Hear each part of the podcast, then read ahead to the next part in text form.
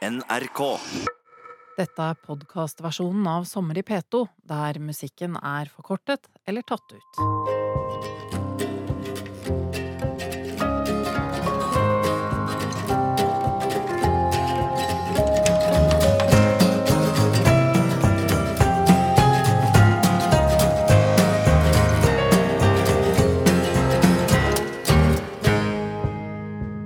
Jeg heter Ørjan Olsvik og er professor i medisinsk mikrobiologi ved Norges arktiske universitet, Universitetet i Tromsø.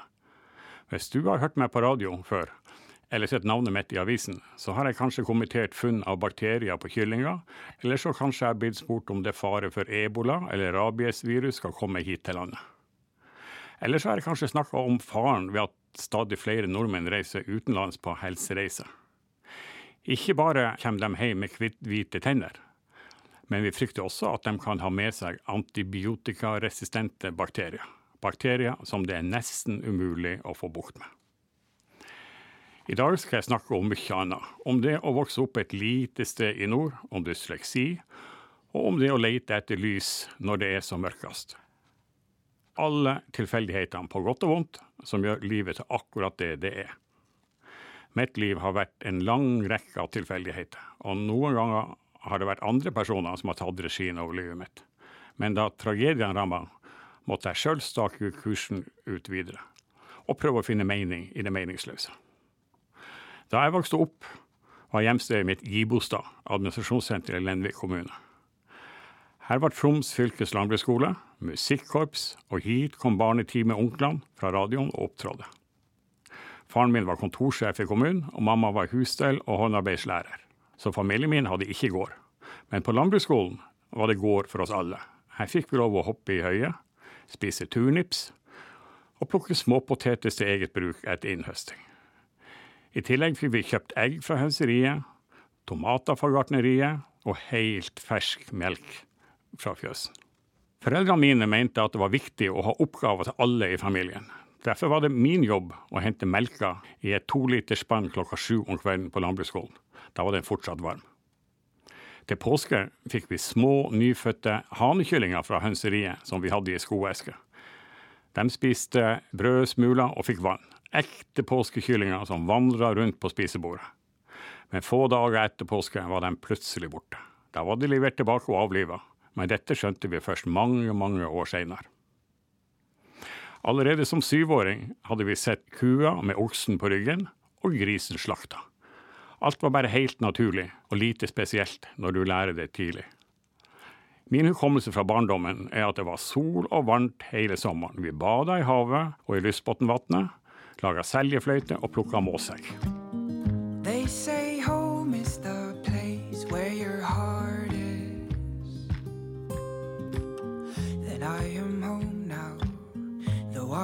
Far away. For so long I've let the forest guard. And now it's begging me to stay. And I'm trying my best. Folkeskolen vår på Gibostad hadde to klasserom. I hvert rom var det to eller tre klasser. Vi gikk på skole tre dager i uka og hadde tre dager med lekselesing, eller fri, som vi kalte det. To eller tre klasser i samme rom var ganske praktisk. Var du litt for deg, kunne du følge med klassen over, og gikk det litt tyngre, så kunne du følge med den klassen som gikk under deg. Da jeg begynte i første klasse, var vi sju stykken. Seks store jenter og en liten gutt. Meg. Jentene kunne både store og små bokstaver og skrive tall helt opp til ti. Jeg kunne ikke engang holde blyanten riktig. Mens tall og regning gikk greit, salmevers, bibelhistorie og lesing også, var det verre med skriving. At bokstavene ikke var i henhold til akseptert formskrift, var én ting. Men når de skulle settes opp i rekkefølge, ble det mye rart. De små bokstavene P, D og B syntes å bli helt tilfeldig brukt.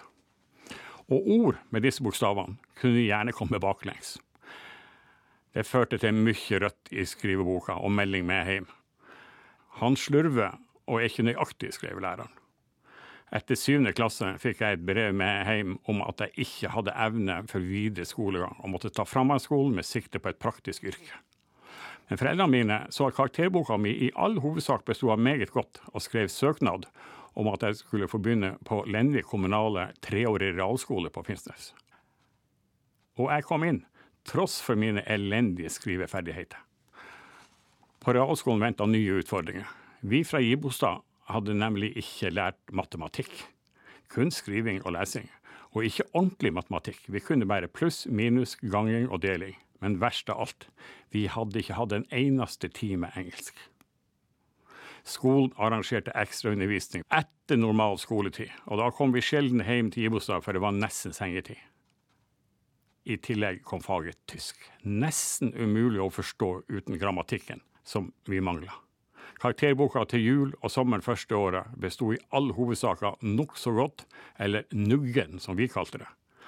Det ble litt bedre andre året, men noe skolelys var jeg definitivt ikke. Bokstavene fløyt fortsatt rundt på papiret i en vill uorden som på folkeskolen, og jeg var fortsatt den minste i klassen. Men så skjedde det noe. Sommeren 1969, da jeg var ferdig med to år på realskolen, fikk jeg sterke smerter i beina og i ryggen og i armene. Doktoren fant ingenting.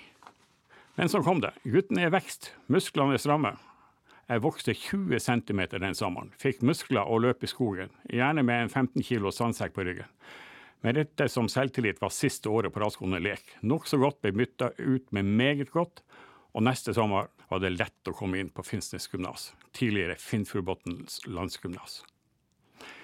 Disse tre årene gikk greit. Norsk og nynorsk stil var fortsatt et bedrøvelig lappeteppe av bokstaver i hytt og pine. Jeg var nok en liten kverulant, og favorittlæreren min fikk nok gjennomgå. Det var den myteomspunne Kai Sæter. Jeg tror jeg plaga han usannsynlig mye med kverulantiske spørsmål. Da vi hadde siste time med han på gymnaset, ga han meg en følgende karakteristikk. Olsvik, jeg vet da faen hva det er du har, det er neppe intelligens, kanskje kreativ faenskap. Etter russefeiringa, som ble avslutta 18. mai 1973, ble jeg kjørt til Tromsø av faren min med beskjed om å skaffe meg jobb og et sted å bo. Jeg var nok glad for å få begynne et nytt kapittel i livet, og oppsøkte først regionsykehusets personalavdeling. Jeg hadde hørt rykter om at de kanskje trengte sommervikarer, men de hadde ingen jobb å tilby. Men de ba meg om å stikke på mikrobiologisk laboratorium. Her satt jeg i en hel time og venta på å få snakke med overlege Åse Rigmor Barts-Karlsen. Da jeg endelig traff henne, var hun fly forbanna fordi vaktmesterassistenten hadde meddelt at han var fyllesyk og kom ikke på jobb den dagen. Resultatet var at han ble oppsagt på stedet, og jeg fikk jobben. Overlegen spurte hvor jeg bodde, og jeg måtte jo bare si at jeg var ikke kommet så langt at jeg hadde fått tak over hodet. Kan du male hus, klippe plen og måke snø? spurte hun. Jeg svarte straks ja, og fikk dermed leie hybel i huset hennes på Krøkebergsletta i Tromsdal. Da jeg ankom huset om kvelden, fikk jeg en ny overraskelse. Im dieser Haus sprechen wir nur Deutsch. I dag foreleser jeg på tysk i Tyskland, og publiserte i 1980 mitt første vitenskapelige arbeid på tysk. Husvertinna mi var et av disse tilfeldige menneskene som skulle få stor betydning for hvilken retning livet mitt skulle ta. Som vaktmesterassistent på mikrobiologisk laboratorium fjerna jeg søpla, henta post og prøver, og gjorde alt annet forfallent arbeid. Men jeg hadde også tid til å snakke med laboranter, leger og en professor i mikrobiologi, Kjell Bøvre. Vaktmesterassistenten fra Senja spurte professor Bøvre hvordan blir man professor. Professorer rekrutteres fra amanuenser, var svaret. Lite visste jeg om hva skjebnen hadde som overraskelser til meg. En dag kom overlege Karlsen, husvert og arbeidsgiveren min, til mitt lille postkontor på laboratoriet og ga beskjed. Du skal studere. Jeg sier deg opp så du kan bli noe. Jeg tror jeg tenkte greit nok.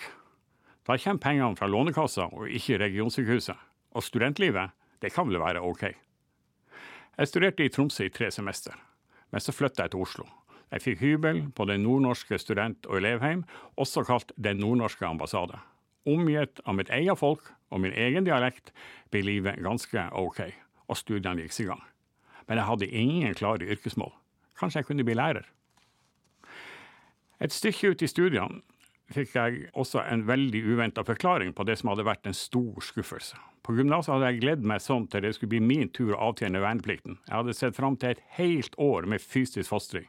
Fjellturer, skiturer, skyting, orientering og ingen lekser eller eksamener. Etter sesjonen hadde alle mine venner fått innkalling til rekruttskole, bortsett fra meg som var dødsmotivert.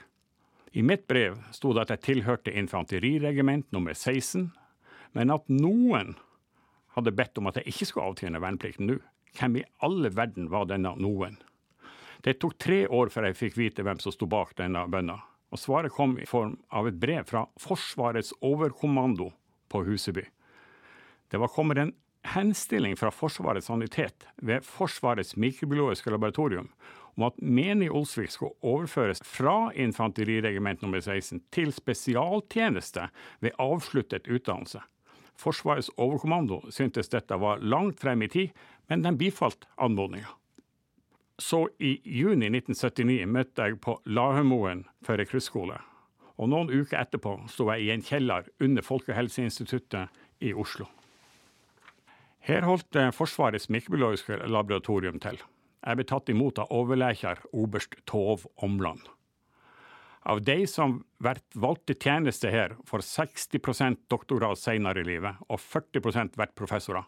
Vi tar bare én eller to av hele rekruttkullet på 20 000 per år. Noen år tar vi ingen. Vær velkommen. Følelsen av prestasjonsangst slo ned som et lyneslag mens jeg prøvde å stotre frem at dette måtte være en misforståelse. Jeg hadde ingen sånne mål, og hadde heller ikke det som måtte til, og det som skulle kreves. Med Forno Show, svarte Omland. Tida på Forsvarets mikrobiologiske laboratorium var fantastisk. Overlege og senere professor Bjørn Petter Berdal var akkurat kommet tilbake fra et forskningsår i USA og hadde med enorme mengder med reagenser og ny teknologi. Vi etablerte nye tester for påvisning av giftstoffer fra bakterier, som kunne være 100 ganger mer sensitivt enn de tradisjonelle. I tillegg hadde vi et topp datasystem som gjorde at vi kunne lagre og redigere manuskripter elektronisk.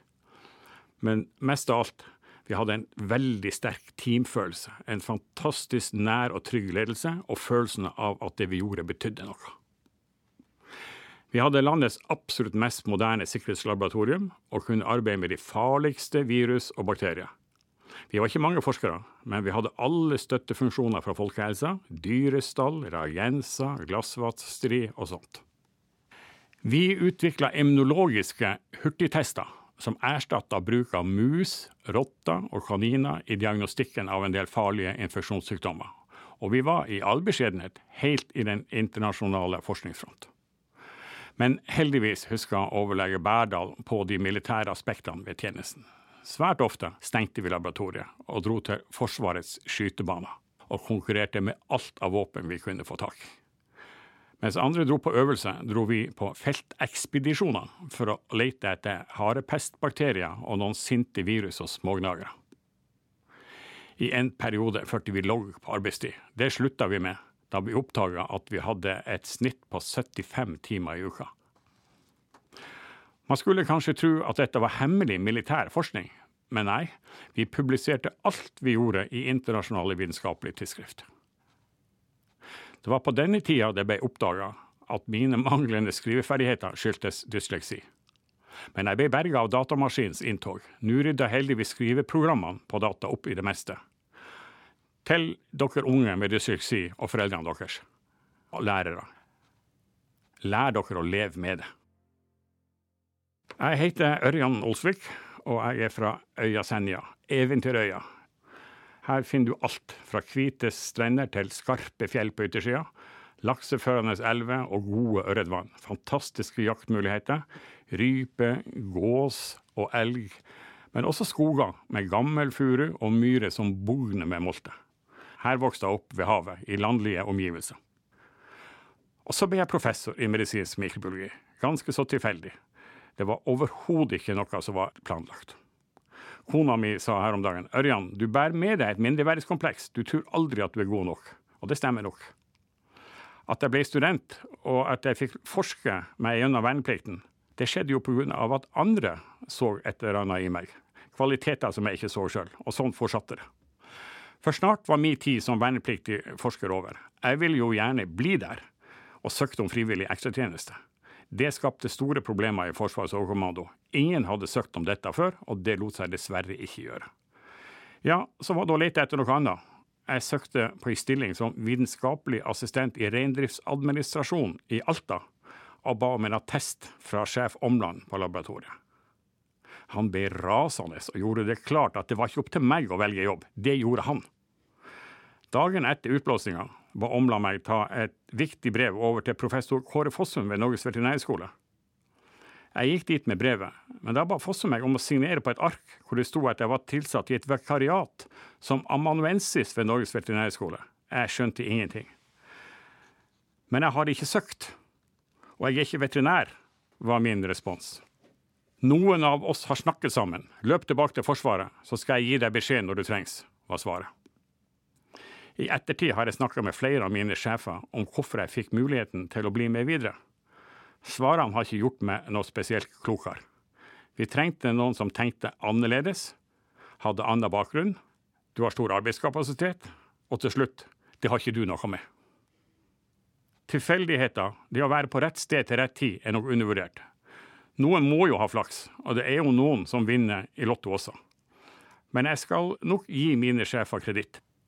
I dag gjør jeg akkurat det samme som dem. Vi leter naturligvis etter de vi tror kan lykkes i faget. Og vi har noen kjempegode eksempler her oppe i nord. Professorene Pål Johnsen, Kristin Hegstad og Ørjan Samuelsen starter som våre studenter her i Tromsø, og er allerede topp internasjonale forskere innen antibiotikaresistens. I 1983 fikk jeg beskjed om at amerikanske helsemyndigheter hadde valgt meg ut til å komme til USA for å forske ved Center for Disease Control, CDC, i Atlanta. Året før var jeg blitt gift med tannlege og løytnant Bente Olsen fra Alta. Dette var en fantastisk tid, med bl.a. opphold ved Stanford University like ved San Francisco. CDC var en statlig prestisjeorganisasjon, noe jeg opplevde da politiet i Alabama stoppa meg for å ha kjørt for fort. Jeg identifiserte meg med mitt CDC-ID-kort. Svaret var kort.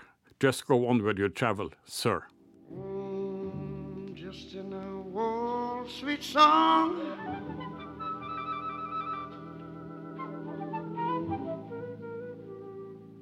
Keeps Georgia on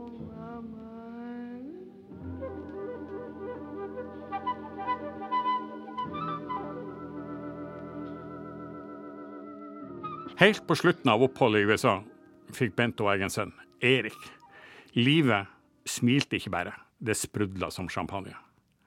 Vi flytta hjem til Norge etter to år. Jeg forska på veterinærskolen, og Bente tok sin spesialistutdannelse innen tannkjøttsykdommer. Til da hadde livet vært en forunderlig reise og utrolig positive utfordringer, og på en måte trodde vi at sånn skulle livet være.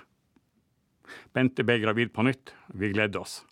Men vårt neste barn, Kristine, døde i krybbedød bare to måneder gammel.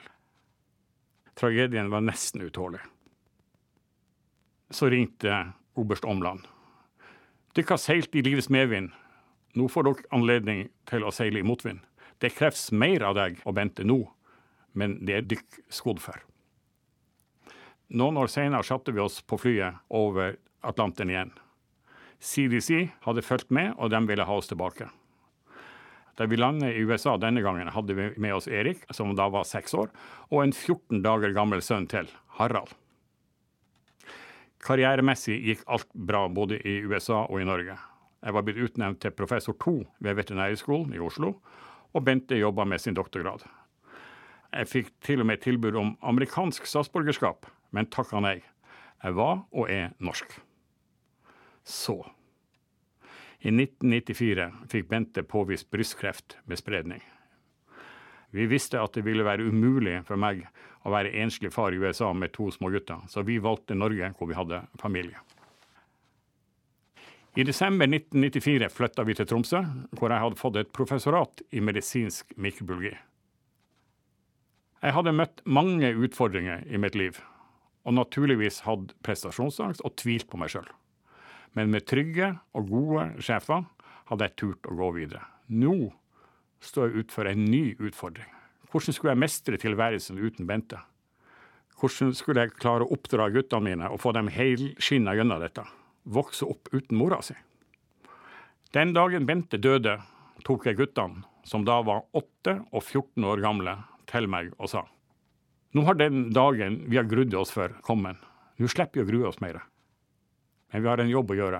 En jobb som mamma ville vært stolt av. Det er klart at det å miste to av sine nærmeste familiemedlemmer, ei datter og ei kone, gjør noe med deg som menneske.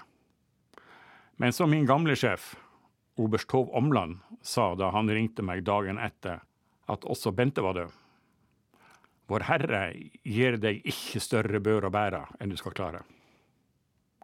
For alt i verden skulle jeg ha sluppet å måtte begrave dattera mi og kona mi, men kanskje det lærte meg noe om å ikke ta livet for gitt, og om det å være til for noen og bry seg, sjøl om du ikke nødvendigvis må.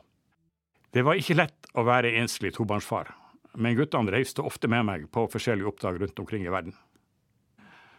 Noen år senere var lykken tilbake igjen, da Nina dukka opp og vi gifta oss. Hun ble, og er, ei god mor til Erik og Harald.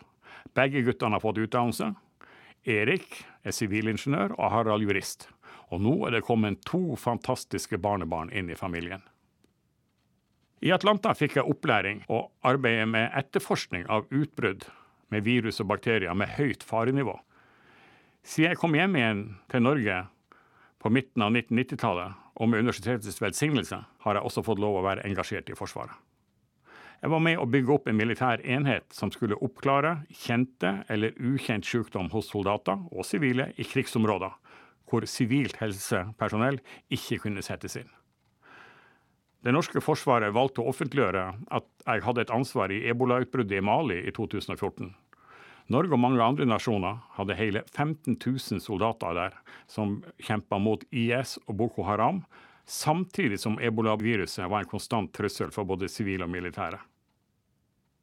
Ebolautbruddene på vestkysten av Afrika i 2013-2014 tok livet av ca. 11 000 mennesker. Samtidig døde over 250 000 barn av malaria i samme område. Mange av disse barna kunne vi ha redda med myggnetting og medisiner. Men ebola tok all medias oppmerksomhet. Det er et paradoks at vi her i Norge diskuterer om vi skal vaksinere ungene våre eller ikke. Det finnes beslutninger man ikke skal overlate til tilfeldigheter eller foreldre som er vaksinemotstandere. Jeg har sett mengder av delvis lamme barn etter poliomyelitt i gatene i Nairobi, Kenya. Hadde foreldrene deres hatt et valg, ville de aldri ha tenkt seg om to ganger. De ville ha vaksinert ungene sine. Mens jeg bodde i USA, ble jeg bedt om å være med på å bygge opp en enhet ved Center for Disease Control i Atlanta. Der skulle vi forske på den stadige utviklingen av bakterier som var blitt motstandsdyktige mot antibiotika, såkalt antibiotikaresistens. Denne aktiviteten ble også grunnlaget for seksjonen for medisinsk mikrobiologi, da jeg begynte å jobbe i Tromsø i 1995. Nå, nesten 25 år senere, har mange flinke studenter og amanuenser blitt professorer og driver en imponerende forskning, nå ledet av professor Arnfinn Sønsfjord, opprinnelig fra Harstad, for å se om hva vi kan gjøre for å forhindre at barn igjen vil dø av vanlige sår og lungebetennelser, som om noen år kanskje ikke lenger kan behandles med antibiotika. Dette er forskning som har en mening, hvor resultatene raskt kan settes ut i aktivt medisin. Kunnskap som fødes her, blant hovedfagsstudenter i helsefag, kan utgjøre en forskjell på liv og død for mennesker i mange deler av verden. Jeg bruker også en del av min tid til å kommunisere kunnskap om smitte og antibiotika og resistens til folk flest, samt holde foredrag og forelesninger i Norge og i utlandet. Det er viktig at vi som, som forbrukere er bevisst på den makt vi har. Hvis alle lar være å kjøpe kjøtt fra dyr som er overfôra med antibiotika, legger det press på produsenten, og de blir snart tvungen til å tenke nytt. Når man er 65 og har fem år igjen som fulltidsprofessor, kan en stille mange filosofiske spørsmål om hvordan og hvorfor. Hvorfor ble livet mitt akkurat sånn som dette? For det første synes alt å være tilfeldigheter. Det å være på rett sted til rett tid av den rette sjefen og de rette medarbeiderne. Og naturligvis, det vil alltid være et godt utgangspunkt å komme fra Senja, Eventyrøya. Jeg tror at vi i Norge har et samfunn hvor de fleste får muligheter. Alle får tilbud om skolegang, og studiefinansiering, som i verdenssammenheng er fantastisk. Det er jobber til de aller fleste, og et helse- og sosialvesen som hjelper deg gratis. Vi må bare ruste oss som mennesker til å ta i bruk de mulighetene som dukker opp. Tørre å ta livet i bruk. Noen trenges å sparkes bak og ledes inn på rett vei, sånn som jeg blei. Men det ordner seg som regel sjøl. Selv når du er minst i klassen, og selv når du har dysleksi, og selv når døden nesten tar fra deg motet. Vi får ikke ei større bør å bære enn vi klarer, fritt etter oberstomland. Nå, når du hører dette programmet, så er det sommer. I Nord-Norge er det lyst hele døgnet, og om Vår Herre vil holde skyene borte, så er det midnattssol. Nina og jeg er nok helt sikkert på hytta i Agdapsvika, helt nordøst på Lenvikhalvøya. Det er vårt paradis. Her ser vi over til fantastiske Senja på ene sida og Kvaløya på den andre. Og rett framfor oss har vi den lille øya Hekkingen, et fuglefjell. Bak den er det helt åpent hav. Flyene til vestkysten av USA flyr daglig over haugene på oss. Vi bader i havet hver morgen. Vi dyrker grønnsaker, snekrer, fisker og koser oss med barnebarna. Her i denne lille bygda med fine folk og fantastiske kritthvite strender er det godt å være. Til stede i livet med alt det har å by på.